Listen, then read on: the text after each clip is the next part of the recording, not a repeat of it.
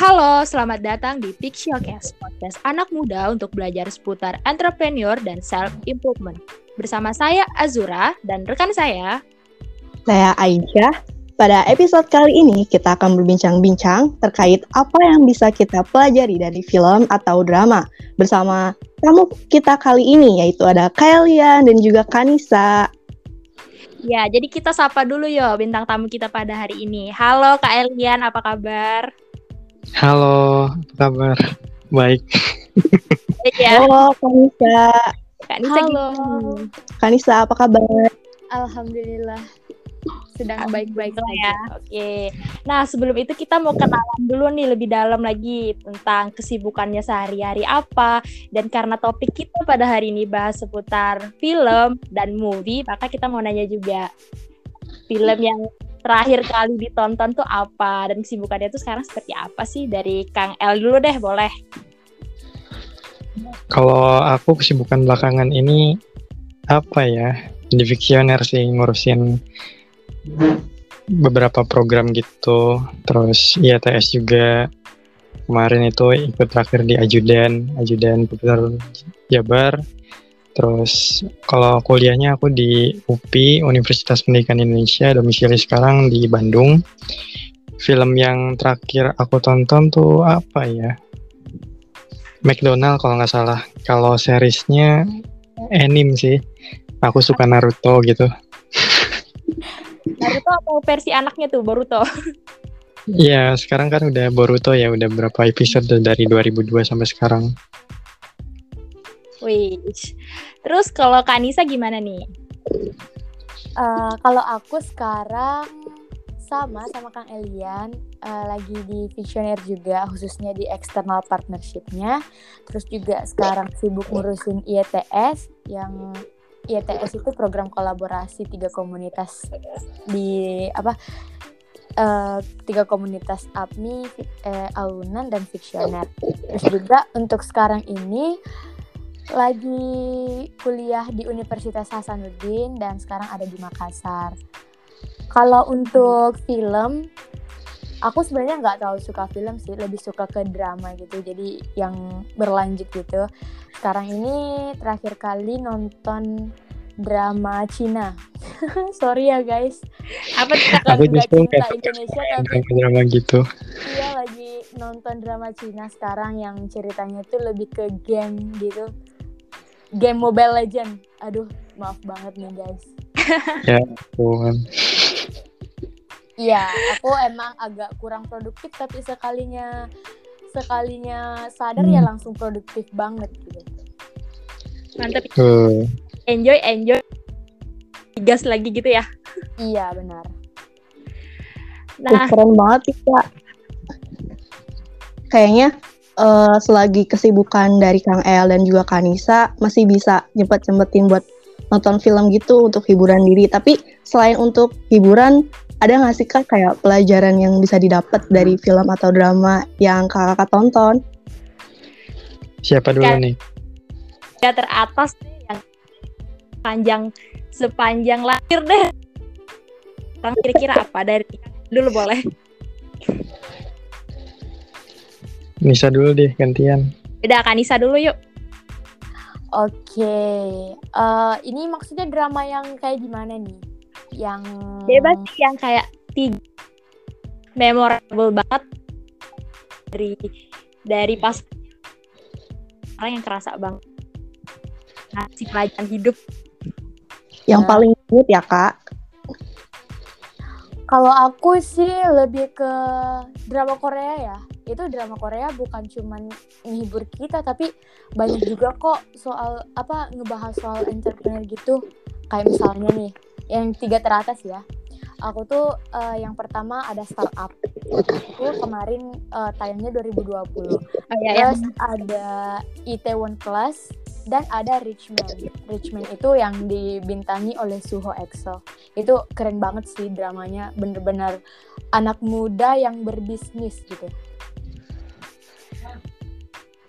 Jadi aku.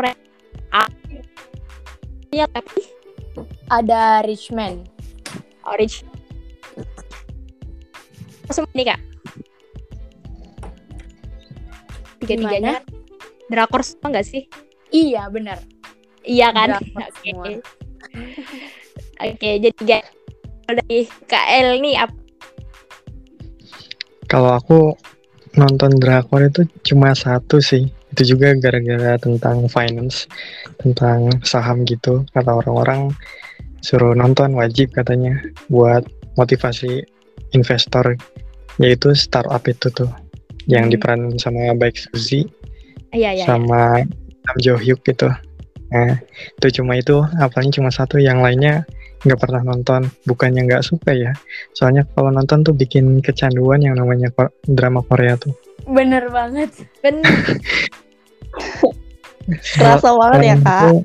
Iya, jadi ngabisin waktu kan kerjaan jadinya pada abai gitu, Iya. suka dikebut semalam gitu. Wah, pokoknya kalau udah drakor tuh, makanya udah kapok aja nonton drakor. Aku lebih seringnya nonton sih film yang paling motivasi itu film Pursuit of Happiness. Nah Ah, itu aku ya. nonton itu yang diperanin sama Will Smith.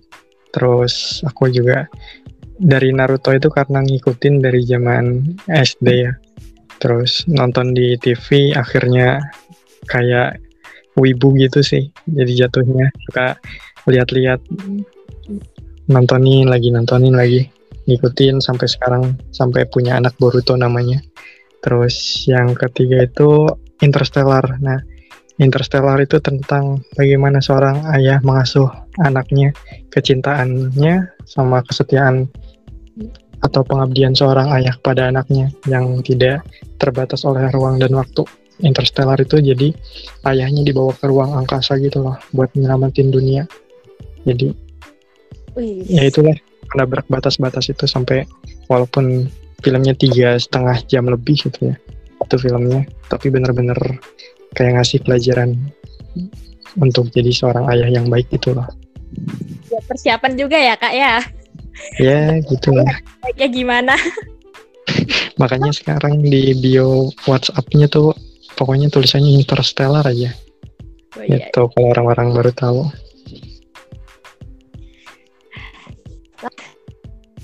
Kak El sama Kak Nisa ada satu nih bareng bareng startup ya kemarin juga lagi rame-ramenya tuh startup. Sampai banyak banget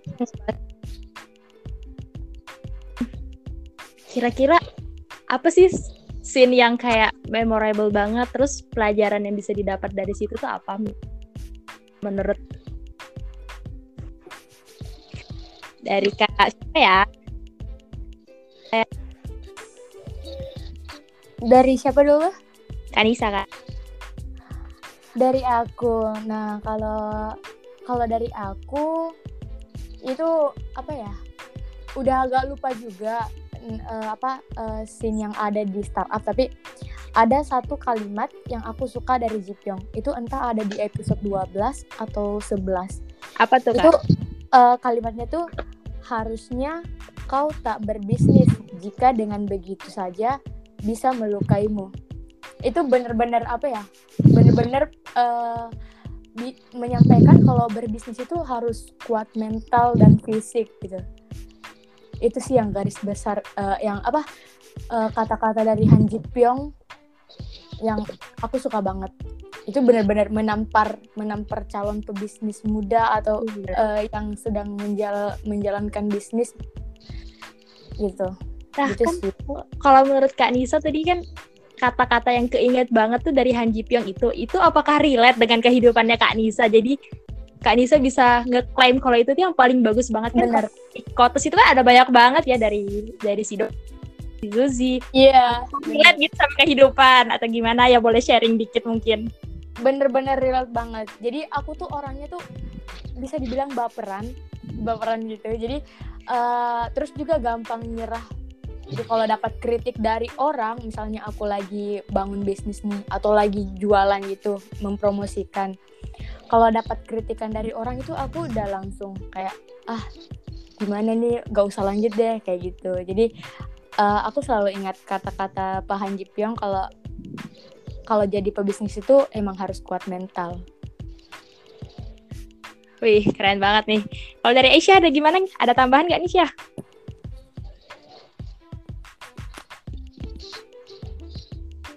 Uh, Oke, okay. jadi kita lanjut aja mungkin ke Kak Elian gimana nih? Ada nggak pelajaran yang keinget banget dari drama startup? Secara kan katanya tadi startup tuh yang drama satu-satunya ya yang yang ketonton gitu ya? Iya cuma satu-satunya sih nonton itu doang. Iya ada dong, inget gitu. Um, banyak sih sebenarnya gitu.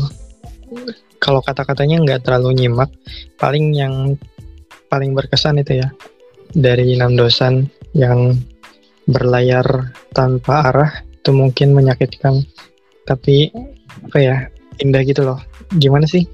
Lupa kalimatnya. Ada yang ingat gak yang berjalan tanpa peta gitu-gitu juga nggak sih? ya, kan? tanpa peta.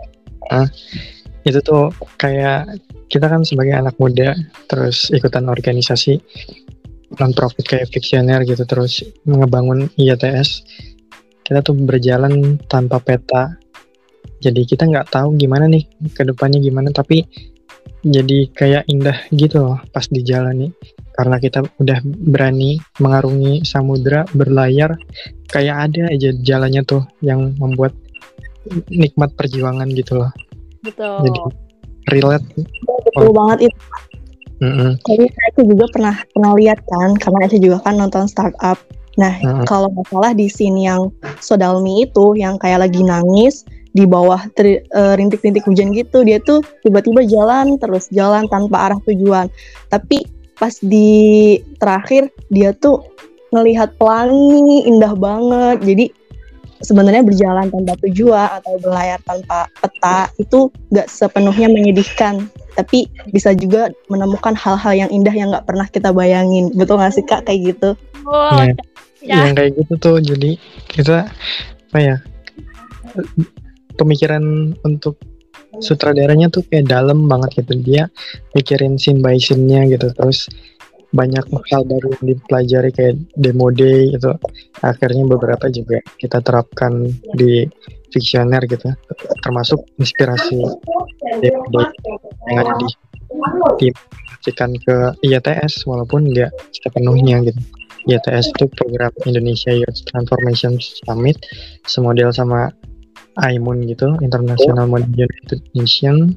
Tapi gimana caranya kita membangkitkan lokal agar naik gitu ke permukaan dan kita branding gimana sih pembahasannya gitu melibatkan anak-anak muda walaupun sebenarnya ya rada jauh sih karena terlibatnya banyak orang-orang itu jadi banyak masukan tapi ide awalnya tuh pengen bikin ya suatu saat bisa semoga sih bisa pelaksanaan di Indonesia ngadain lomba kayak demo day gitu yang skalanya internasional. Soalnya kan lomba entrepreneur itu jarang ya, jarang yang internasional.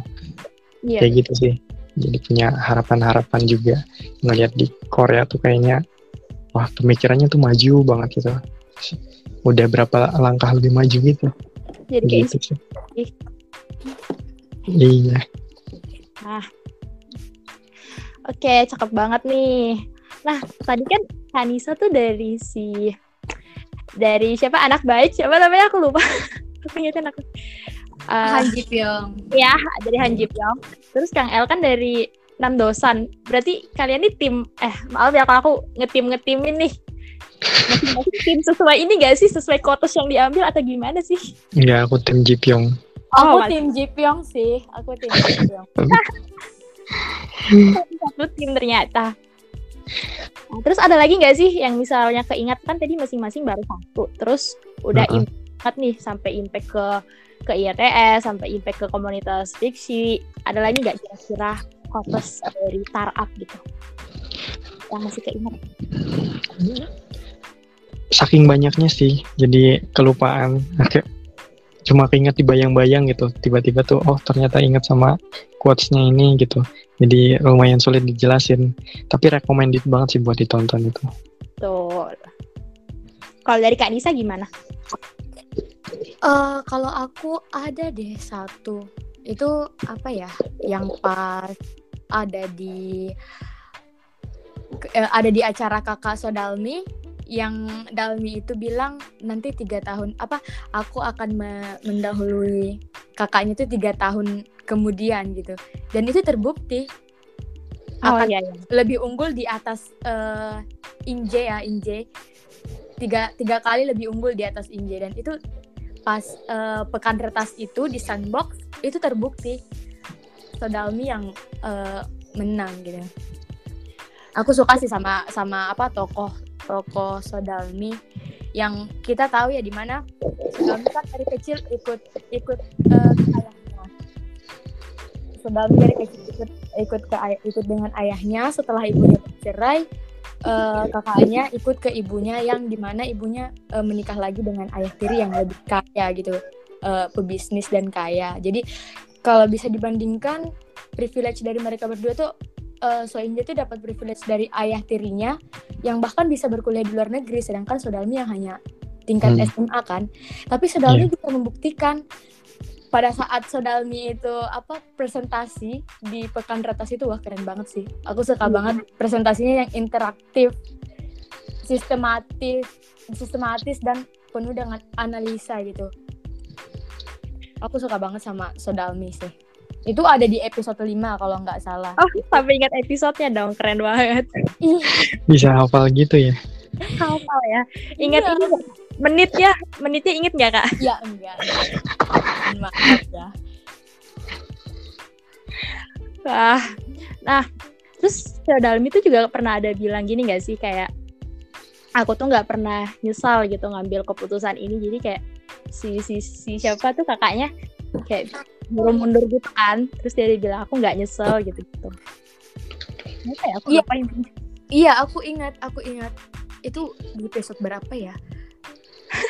Iya, itu maksudnya Bukan Dalmi itu dia nggak nggak pernah apa? Dia nggak pernah nyesel ikut ke ayahnya kan? Mm-mm, Hmm. Nah, itu betul betul. relate banget sama kehidupan kalau misalnya eh, ada di dalam penyesalan itu nggak apa nggak baik untuk eh, kita ke depannya soalnya kan Sodalmi juga pernah berpikir itu dia nyesel nggak sih ikut ke ayahnya dia nyesel apa enggak sih ini pilihan yang salah atau enggak sih tapi Sodalmi membuang pikiran negatif itu semua dan ya kita bisa lihat dia bisa berkembang dengan pilihannya Cocok banget dijadiin panutan gak sih? Iya keren banget sih startup. Eh, aku tuh dapat rekomendasi startup dari Kang Elian. Halo Wah, jiwa. mantap Kang. Elian itu ngeracunin anggota fiksioner buat eh, nonton Ya? startup. Ya, aku racunin semuanya, tapi aku juga ya nontonnya cuma satu itu aja, soalnya udah komitmen nggak mau nonton lagi. Oh, mantap. Oh iya, aku aku keinget sih, keinget sama ini idenya enam dosan. Jadi itu di, itu kan suka dikata-katain gitu sama ini apa Jipyong. Iya, hah, Ide itu gampang tapi implementasinya susah gitu kan suka diejekin. betul. Tapi enam dosen tuh bersikuku gitu bahwa ini adalah ide yang bisa diimplementasikan sampai akhirnya jadi nungil gitu. Jadi AI basisnya artificial artificial intelligence atau kecerdasan buatan yang bisa bantu orang yang peng- penglihatannya udah senja gitu yang udah rabun buat mereka tuh bantu ngelihat objek terdekat ada apa gitu atau dibacain ini bisa nggak gitu. Jadi kayak gitu tuh ngebantu banget yang simple-simple tapi sebenarnya itu bisa berkembang pesat gitu sampai akhirnya kan di terakhir itu ada ide yang bikin mobil Iya. mobil tapi itu tuh dikendara kendarinya otomatis gitu loh apa sih namanya tuh Jaguar gitu atau apa Tarzan, Tarzan gak sih? oh iya Ya. Tarzan Tarzan, Tarzan bener banget. nah itu tuh lupa-lupa inget sih soalnya udah lama banget kalau film startup tapi Iya. value-nya itu yang masih ngelekat gitu loh Hmm. Iya, soalnya kan eh, di drama startup sendiri ini kan memperlihatkan kita jatuh bangunnya membangun bisnis ya, apalagi di kalangan anak muda itu di mana di mana enam dosen yang cuma dapat investor dari eh, apa, cuma dapat investasi dari ayahnya doang, udah dua tahun ngerintis bisnis tapi cuma ada satu investor yang bisa menghidupi bisnisnya. Itu pun pun ayahnya sendiri. Iya, Ya. itu pun hanya sendiri. Ini bener-bener apa ya? Bisa jadi semangat buat anak muda sih, soalnya kan jatuh bangun enam dosan di startup ini benar-benar kelihatan gitu prosesnya sampai benar-benar uh, enam dosan direkrut sama Tusto di Silicon Valley. Iya. Terus ada tambahan lagi enggak nih dari Aisyah kira-kira atau dari siapa? Oh ya, ini dengan masih mengenai startup juga ya, Kak. Kan uh, ada banyak yang bilang tuh realita tuh nggak semanis atau seindah yang di drama gitu. Kan uh, kalau di drama tuh bisa dibilang ya, Sodalmi itu kayak beruntung banget ketemu sama Han Ji Pyong, ketemu sama Nam Dosan. Iya. Kalau menurut kakak nih bisa menurut Kak Elian atau Kanisa emang sebenarnya realitanya tuh kayak gimana sih kak kayak apakah benar gitu nggak semanis atau yang seindah yang di drama kayak gitu? Patah gak sih? Hidup itu nggak seindah drama Korea. Aku aku mau matahin itu sih. Aku mau matahin itu. Ayo sok Elian gimana tuh kayak aku hidup tanpa ya selama ini ya. Hidup tuh tanpa privilege apa pun gitu.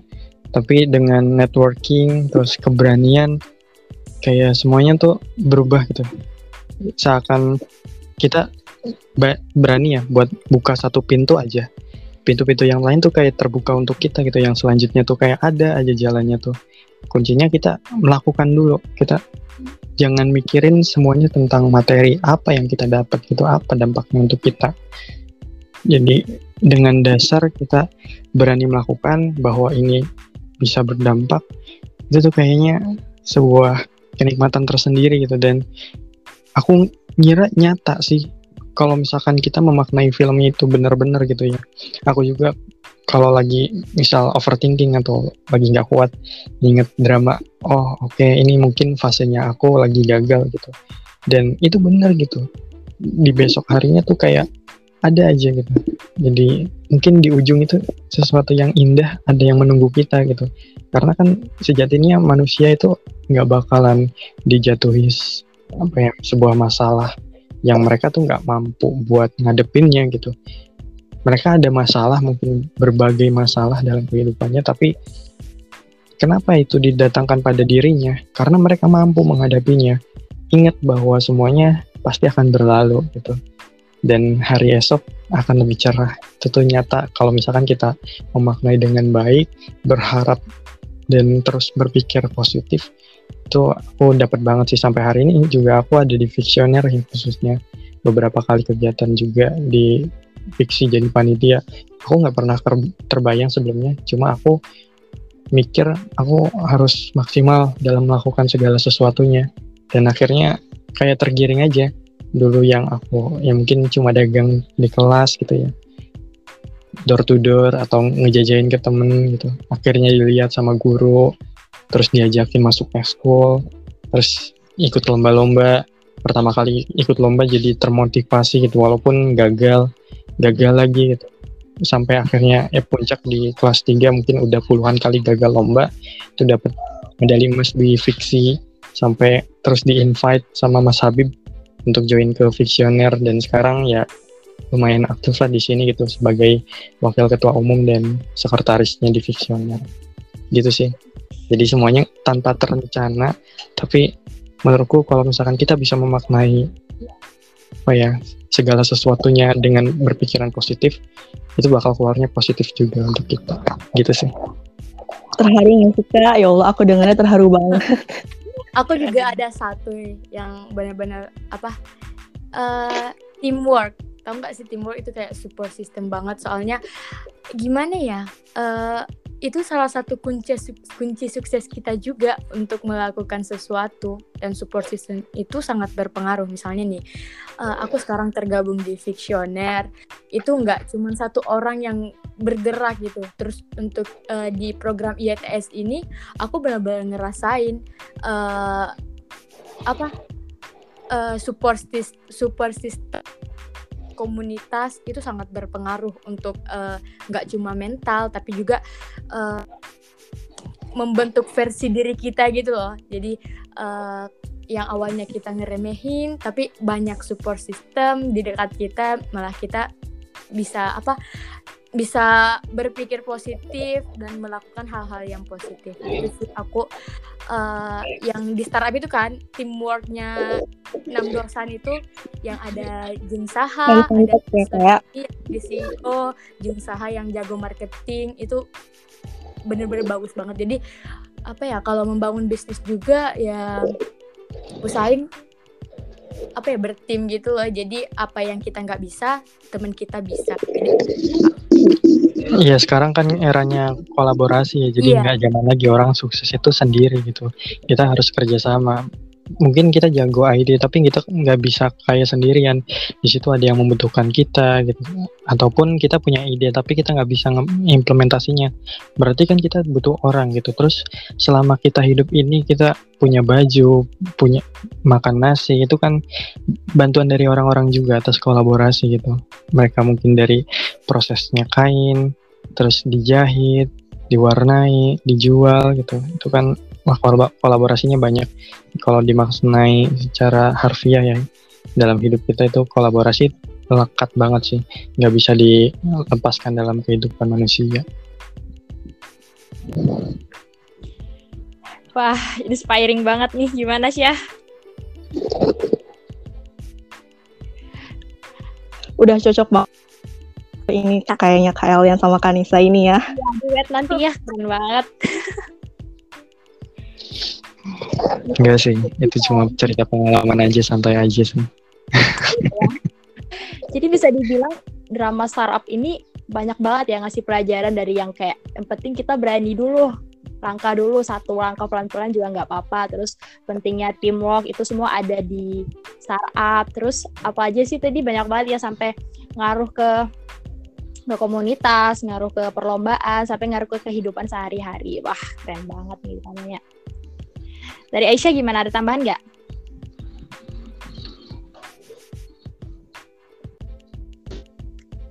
Nah, kan tadi kita udah ngulas banget nih tentang startup dari sampai ke pengaruhnya ke kehidupan kita dan keseharian kita. Tadi kan kita di awal nyebutnya ada tiga tuh ya, tiga. Mau dong sharing dua itu gimana kan startup udah nih. Kita mau sharing dong kan kalau Kanisa dua Itaewon kebetulan aku udah nonton Itaewon juga terus kalau sekarang The Pursuit ya itu tentang jadi nggak sih? Ya? Iya iya sorry rada putus-putus. Kan tadi kan udah tiga tuh ya nyebutkan uh -huh. tiga. Startup uh -huh. udah tuntas lah ibaratnya. Iya iya. Bisa tadi Itaewon Itaewon Terus KL tadi yang kedua The Pursuit of Happiness ya nggak sih? Iya. iya. Huh. Sharing dong itu uh, dari siapa dulu nih yang mau nih? Dari KL dulu deh. Oke deh. Oke, mumpung masih hangat sih kalau Pursuit of Happiness itu aku nonton sampai 4 5 kali gitu terus rekomendasiin ke teman juga. Aku tuh tipe orang yang kalau ada film terus itu bawa inspirasi banget aku share gitu teman-teman. Ayolah nonton gitu supaya energi yang aku punya itu sama kayak orang lain gitu loh. Ya, simpelnya sih gitu. Makanya Nisa juga teracun itu sama anak-anak fiksioner lainnya. Iya benar banget. Gimana Nanti tuh deh kalau, kalau kalian belum nonton ini sinopsisnya sedikit ya aku spoiler. Jadi bercerita tentang Will Smith dan anaknya anaknya anak asli ya tapi di situ diperankan juga sebagai anak gitu. Dalam kehidupan yang mereka itu benar-benar kekurangan lah. Untuk sehari-hari aja bingung mencukupi kebutuhan mereka tuh gimana. Terus akhirnya Will Smith itu kalau nggak salah di PHK dari kantornya kerjanya berhenti. Terus mereka masih punya tabungan beli sebuah mesin eh, untuk kesehatan. Untuk tulang kalau nggak salah mesin untuk tulang cek tulang gitu. Kebetulan di kota itu belum ada yang distributornya gitu makanya mereka borong tuh semuanya semua tabungan dijajakan dibelikan untuk itu diinvestasikan lah ibaratnya. Jadi setiap menjual satu mesin itu bisa menghidupi sekitar 15 hari ke depan. Tapi dalam implementasinya nggak semudah itu gitu orang-orang tuh justru pas dijual ya mereka tuh nggak terlalu butuh dan cenderung belum butuh gitu alat-alat yang kayak gitu dijelasin sampai mondar mandir mereka wah, pokoknya berbagai masalah karena itu kan belum terjual terjual itu selama tiga bulan belum ada satupun yang terjual. In case ngelihat apa ya suatu peluang itu Will Smith karena di rumah kan ya pasti yang namanya konflik itu terjadi karena uang kan nggak ada gitu. Kebetulan istrinya sih masih kerja di laundryan gitu jadi ya masih bisa lah gitu walaupun minim tapi untuk biaya kontrakan tuh udah susah banget udah mau diusir biaya listrik biaya buat tunggakan segala macamnya tuh kesulitan banget pokoknya.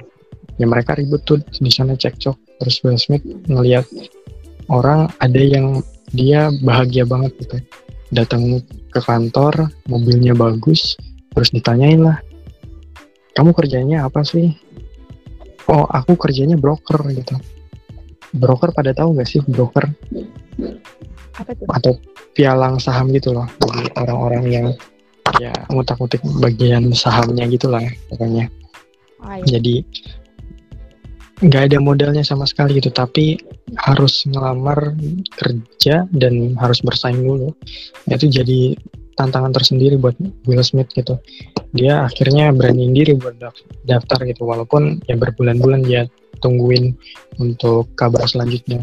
Dia juga oh, pokoknya struggle banget sampai akhirnya dia itu satu titik anaknya itu nunggak sekolah banget terus nggak sekolah-sekolah lagi terus dia juga diusir dari kontrakan atau rumahnya gitu. Tinggal di jalanan sampai susah banget. Pernah tidur di toilet ini juga kereta tuh. Berbalutkan sama tisu-tisu yang disebar. Sedih banget pokoknya kalau ngeliat itu tuh. Terus terus setelah itu tuh si Will Smith ini berjuang aja dia fokus aja. Walaupun ya sebenarnya nggak pasti gitu.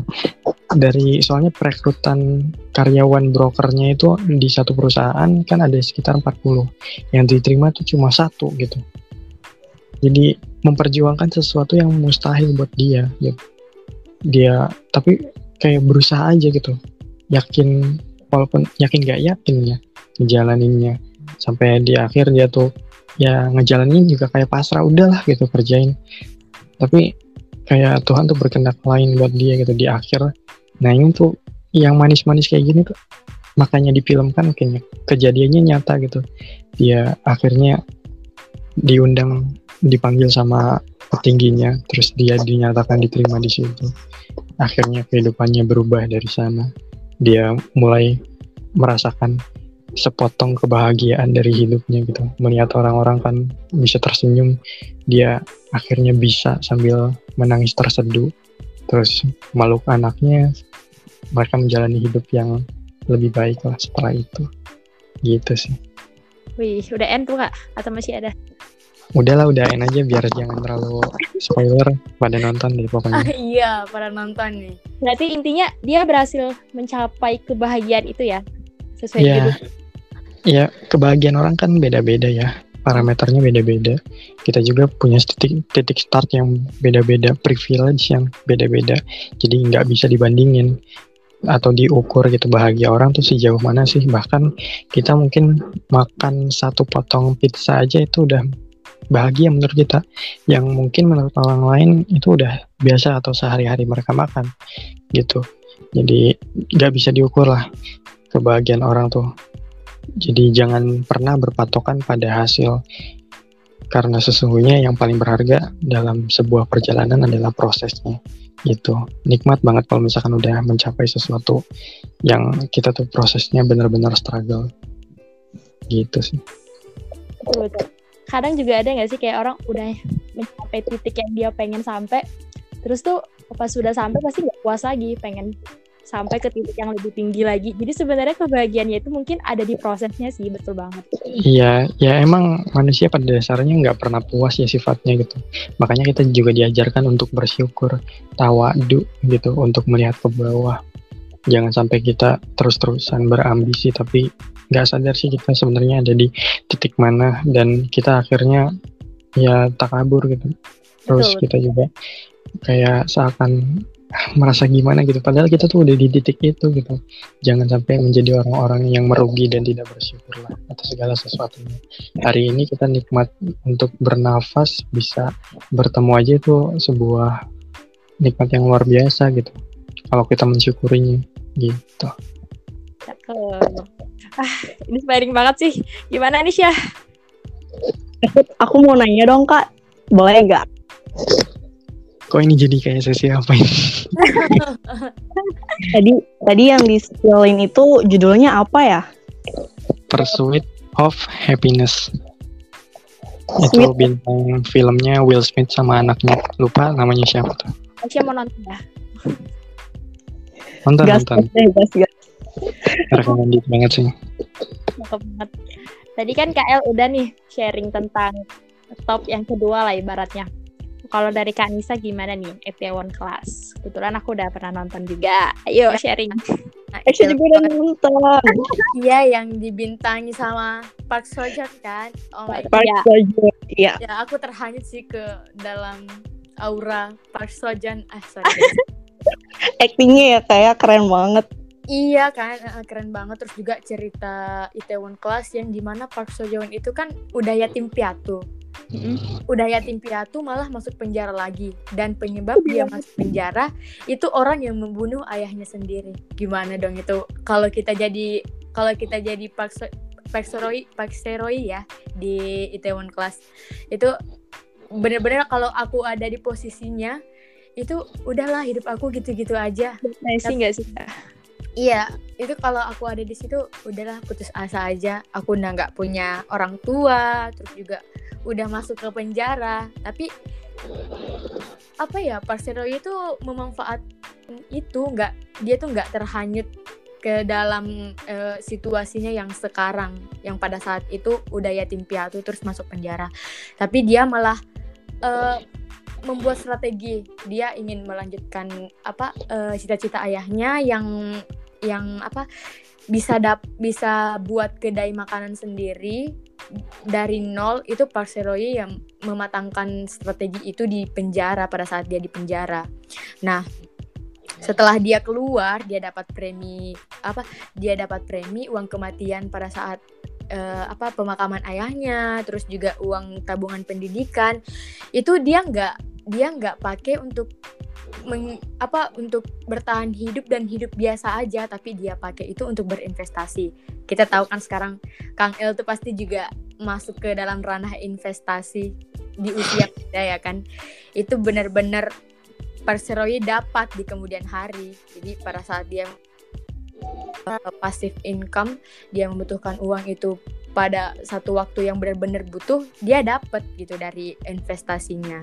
Nah terus juga dia udah dia udah punya kedai nih dia udah punya kedai makanan tapi kedai makanan itu nggak berjalan sesuai dengan ekspektasinya jadi ya yang udah pada nonton tahu kan gimana pelanggan Jaya kedai- bangkrut, Jaya bangkrut lagi. iya habis apa Banyak habis banget, banyak banget. banyak habis banyak pelanggan terus nggak ada lagi sampai akhirnya datanglah si cewek itu yang Akhir. cewek berambut pendek yang akhirnya dia jatuh kan ke Parseroi dan dan apa membantu Parseroi di proses kehidupannya di proses bisnisnya itu. Nah ada beberapa hal yang bisa kita petik dari apa dari Itaewon Class.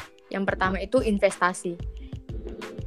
Muda itu ya, amat sangat penting sih maksudnya apa ya aku merekomendasikan apa ke teman-teman yang yang dengar podcast ini itu mulailah investasi di usia kalian yang sekarang gitu. Betul.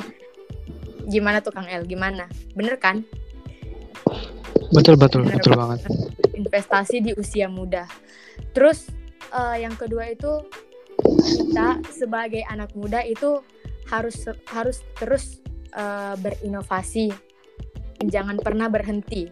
Apa pun kondisi kita itu jalan aja gitu jalan aja pasti akan ada sesuatu di depan yang menunggu. Itu kayak moto tuh Tokopedia sama Gojek. Apa ya? jalanin aja tuh. Eh, jalanin aja dulu. Iya. Terus jangan pernah menyerah sebelum kita mencobanya sendiri gitu. kalau misalnya kalian lebih pilih mana menyesal karena pernah melakukan atau menyesal karena tidak pernah melakukan? Kalau aku sih menyesal karena tidak pernah melakukan ya karena kita kan belum tahu di depan itu apa gitu. Terus target mimpi kita juga juga sangat penting. Target target mimpi kita bisa jadi uh, pendorong kita di apa di apa, apa namanya di saat-saat di saat-saat kita lemah terus kita punya target tuh di depan kalau nggak ada target ya nggak ada pendorong nggak ada push dari belakang. Terus juga pada saat menjalankan bisnis kita uh, banget pengeluaran yang sangat tidak penting. Apa jumlah karyawan pun itu kita tekan seminimal mungkin kalau misalnya kita menjalankan bisnis yang di mana ya awal-awal ya awal-awal itu uh, bisa dibilang kalau jadi entrepreneur kita tuh pelit juga ke diri kita sendiri gitu yang di mana kita harus ngegaji diri kita sendiri tapi kita ngegaji seminimal mungkin dibanding uh, uh, untuk bisnis kita nah kalau berbisnis juga aku dapat dari Itaewon Class itu bisnis itu akan berkembang dengan kepercayaan dengan kepercayaan. Jadi bagaimana bagaimana investor bisa percaya ke kita, bagaimana konsumen bisa percaya ke bisnis kita itu itu sangat penting banget. Dan ini Parseroi di sini di Itaewon Class itu berhasil mendapatkan kepercayaan uh, apa mendapatkan kepercayaan investor setelah jatuh bangun itu ya melawan perusahaan jangga itu. Nah, mm di sini juga uh, di apa di Itaewon Class juga itu kita akan kita itu harus terus belajar belajar dan belajar terus asah kemampuan bisnis kita ketika sudah di puncak nah seperti yang apa ya kalau nggak salah kang El tadi bilang apa manusia itu nggak pernah puas ya manusia itu nggak pernah puas iya yeah. uh, ketika kita merasa kita sudah ada di puncak lagi pengen pengen yang lebih besar lagi. Nah, di sini Pak Seroyi uh, setelah setelah setelah bisnisnya sukses, udah dapat investor di mana-mana, dia tuh nggak puas. Jadi dia dia mengembangkan lagi usahanya ke luar negeri uh, ketika franchise-nya tuh udah dibangun di ranah nasional dan cukup stabil ya. Nah, ini sama juga uh, kutipan Pak Herman Kartajaya kalau bisnis itu sejatinya tentang pelayanan pelayanan. Hmm. Karena pelayanan yang baik itu akan membangun kepercayaan yang baik pula. Jadi kalau uh, kalau teman-teman di sini, teman-teman calon pebisnis ingin membangun bisnis itu harus ada good service, good service untuk uh, konsumen. Karena kita harus memikirkan tuh gimana konsumen repeat order lagi ke kita ya kan, gimana investor lagi ke kita. Nah, itu harus tentang semuanya tentang pelayanan. Jadi every business is a service business. Kamu nggak cocok di statistika sih. Udah ke bisnis aja pindah. Oh my god, Kang El spoiler yeah. tentang jurusan aku nih. Jadi guys, aku tuh uh, kuliah di statistika sekarang di Universitas wow. Hasanuddin. Dan ya, Kang El bilang benar sih tapi nggak apa-apa nggak apa-apa aku tuh masuk masuk statistika kan statistika kita belajar menghitung juga kan Iya sebenarnya kan ekonomi juga uh -uh, ekonomi itu, itu bukan ya? ilmu yang iya uh, jadi kita bisa belajar di mana pun dan ya udah jadi kebutuhan hidup sih ilmu ekonomi. Benar benar. Itu udah jadi kebutuhan hidup. Jadi kalau menurut aku aku kuliah di statistika ini itu bonus. Di mana kan aku aku aku sukanya tuh entrepreneur ya. Aku sukanya berbisnis tapi kenapa nggak masuk bisnis? Jadi uh, yang apa aku pikirkan sekarang itu aku menganggap aku kuliah di statistika ini akan menjadi bonus nantinya kalau misalnya aku mengembangkan potensi aku di uh, bisnis gitu Tuh kalau dari Itaewon Class itu banyak banget pokoknya tentang ya, bener, bener banyak banget nih. Uh, Dan dia di penjara tuh masih sempat baca buku gitu ya.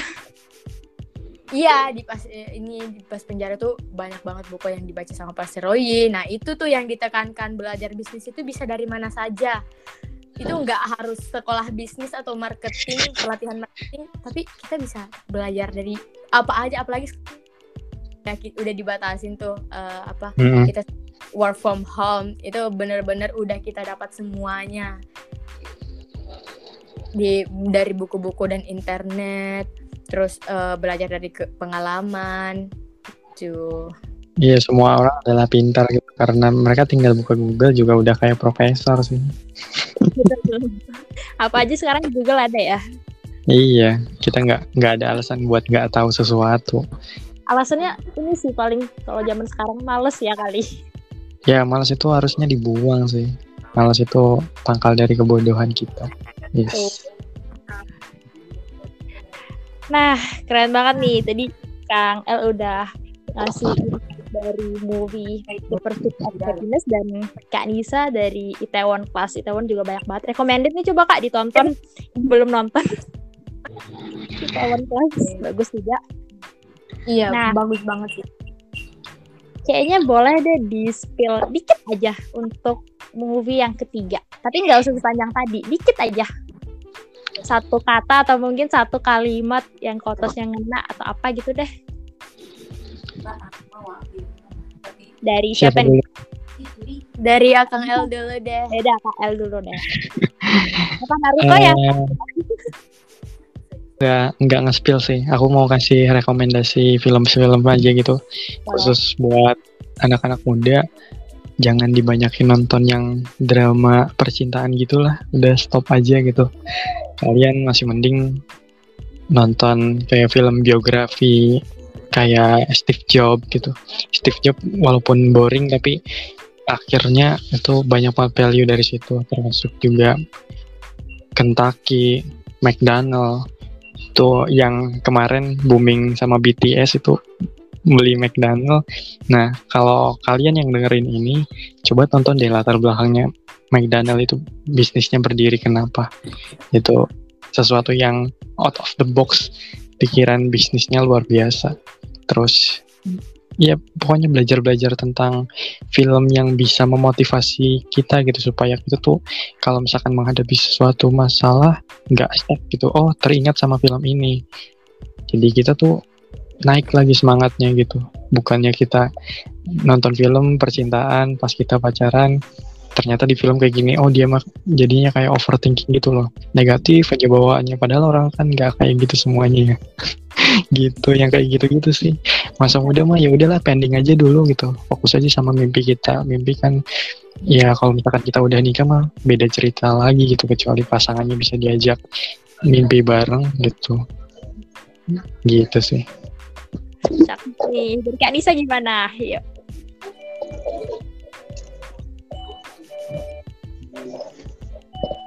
Halo, gimana Kak Nisa? Iya, halo. Nah, kalau di Richmond sendiri itu eh, apa ya?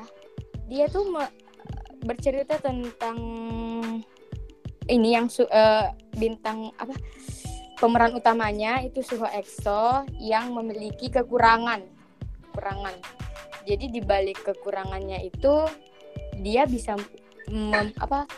men- membuat suatu inovasi. Jadi kekurangan dari kekurangan dari siapa ya yang jadi pemeran? Eh, maksudnya nama di pemeran utamanya? Makanlah si Fulan.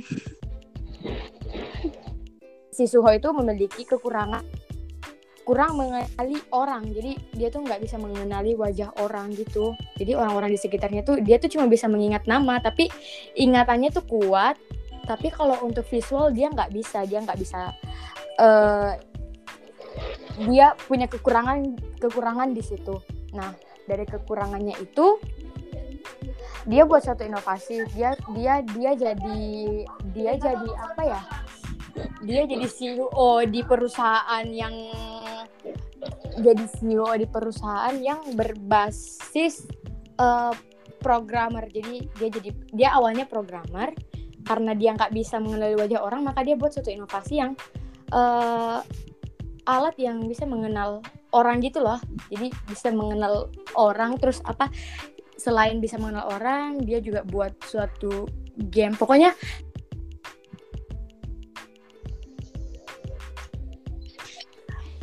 Iya Kak.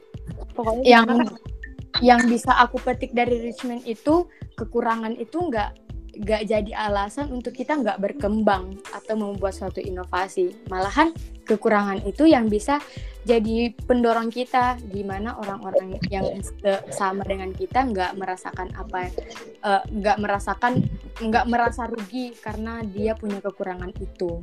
Gitu. dan yang yang jadi CEO di perusahaan ini juga anak muda pebisnis muda juga. Jadi aku tuh suka nonton film yang uh, pemerannya tuh pebis ya, eh, menceritakan soal pebisnis muda. Karena kan kita sekarang masih muda kan? Wow.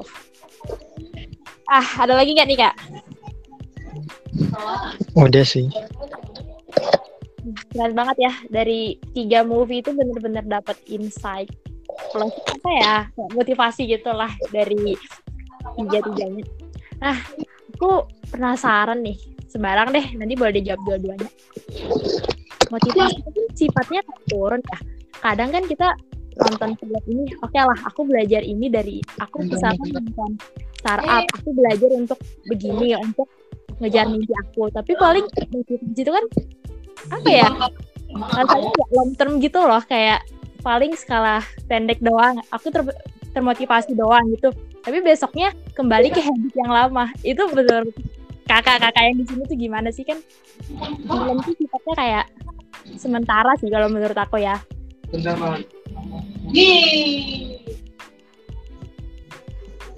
Gimana tuh? Kalau menurut dari KL dulu deh.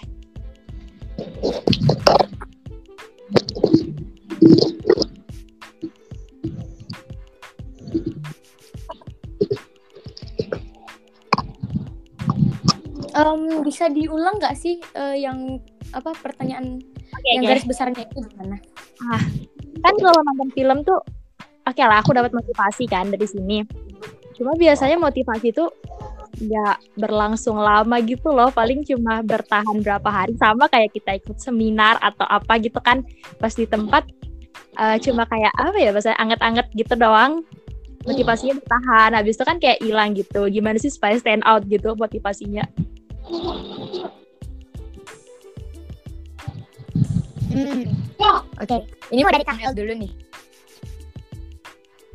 Uh, Kak Nisa aja karena udah ngejawab. Oke, okay. Hmm. kalau dari aku sendiri ya, um, untuk mendapatkan apa, untuk mempertahankan apa yang kita dapat dari dari apa dari dra suatu film atau drama itu, ya itu harus benar-benar jadi pegangan kita yang relate dengan kehidupan kita sekarang. Jadi uh, kita akan terus mengingat sesuatu ketika sesuai sesuatu itu akan selalu ada di, di proses proses kehidupan kita. Jadi kayak misalnya tadi yang aku bilang yang uh, kutipan Pak Hanji Pyong ya, karena aku kan basic, aku kan uh, apa uh, sukanya di entrepreneur, sukanya di bisnis, aku nonton drama startup dan dan dapat kutipan di uh, drama atau film itu itu yang harus di apa ya harus di ditekan lagi sama teman-teman. Kalau nonton drama atau film uh, yang ambillah kutipan yang benar-benar kutipan itu atau pesan itu bisa kalian pegang uh, selama proses uh, proses berkembangnya kalian gitu sesuai basic lah sesuai basic kalian. Jadi misalnya kalian punya basic apa sukanya di entrepreneur itu uh, dapat kutipan di drama itu yang relate dengan entrepreneur juga. Jadi uh, tapi tergantung dari masing-masing orang ya dari masing-masing orang kan uh, Azura. Jadi kalau misalnya uh, orang itu sukanya di sesuatu yang lain itu pasti akan diingat terus kok mm, itu betul. manusiawi ya kan? Ya kan? Jadi kalau iya, misalnya ya, ya. Uh, kita nonton drama entrepreneur nih terus dalamnya ada ada seni atau ada industri industri-industri dan basicnya kita ada di situ ya kita akan ingat pesan yang di bidang itu. Itu manusiawi kok manusiawi. Ini aku aku nonton film uh, akhir-akhir ini nonton film game ya drama Cina. Aku nggak aku nggak se aku aku keep uh, aku keep pesan yang tersampaikan di situ tapi keepnya itu yang di saat aku melakukan hal itu. Jadi misalnya kan ngegame kan ngegame. Aku aku aku dapat uh, pesannya itu strategi-strategi ngegame gitu. Jadi apa ya itu manusiawi kok. Kalian mau ngekeep uh, kalian mau berpegang ke apa yang kalian dapat di film itu itu tergantung dari dari uh, kalian sendiri basicnya kalian apa yang kalian itu gitu. Wah uh, udah keren banget nih kak. Kita nggak kerasa udah berbincang-bincang selama satu jam nih. Banyak iya bener banget. Udah banyak dari, banget. nih. mulai dari error segala macam terus dapat insight yang ah adalah keren banget Nah, ternyata nonton film tuh nggak cuma sekedar hiburan, ternyata kita bisa dapat banyak banget pelajaran dari situ.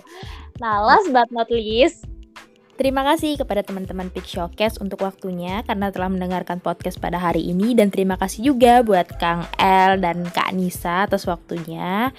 Sampai berjumpa di lain kesempatan. See you. Bye bye. Happy listen. Enjoy the Pick Showcase.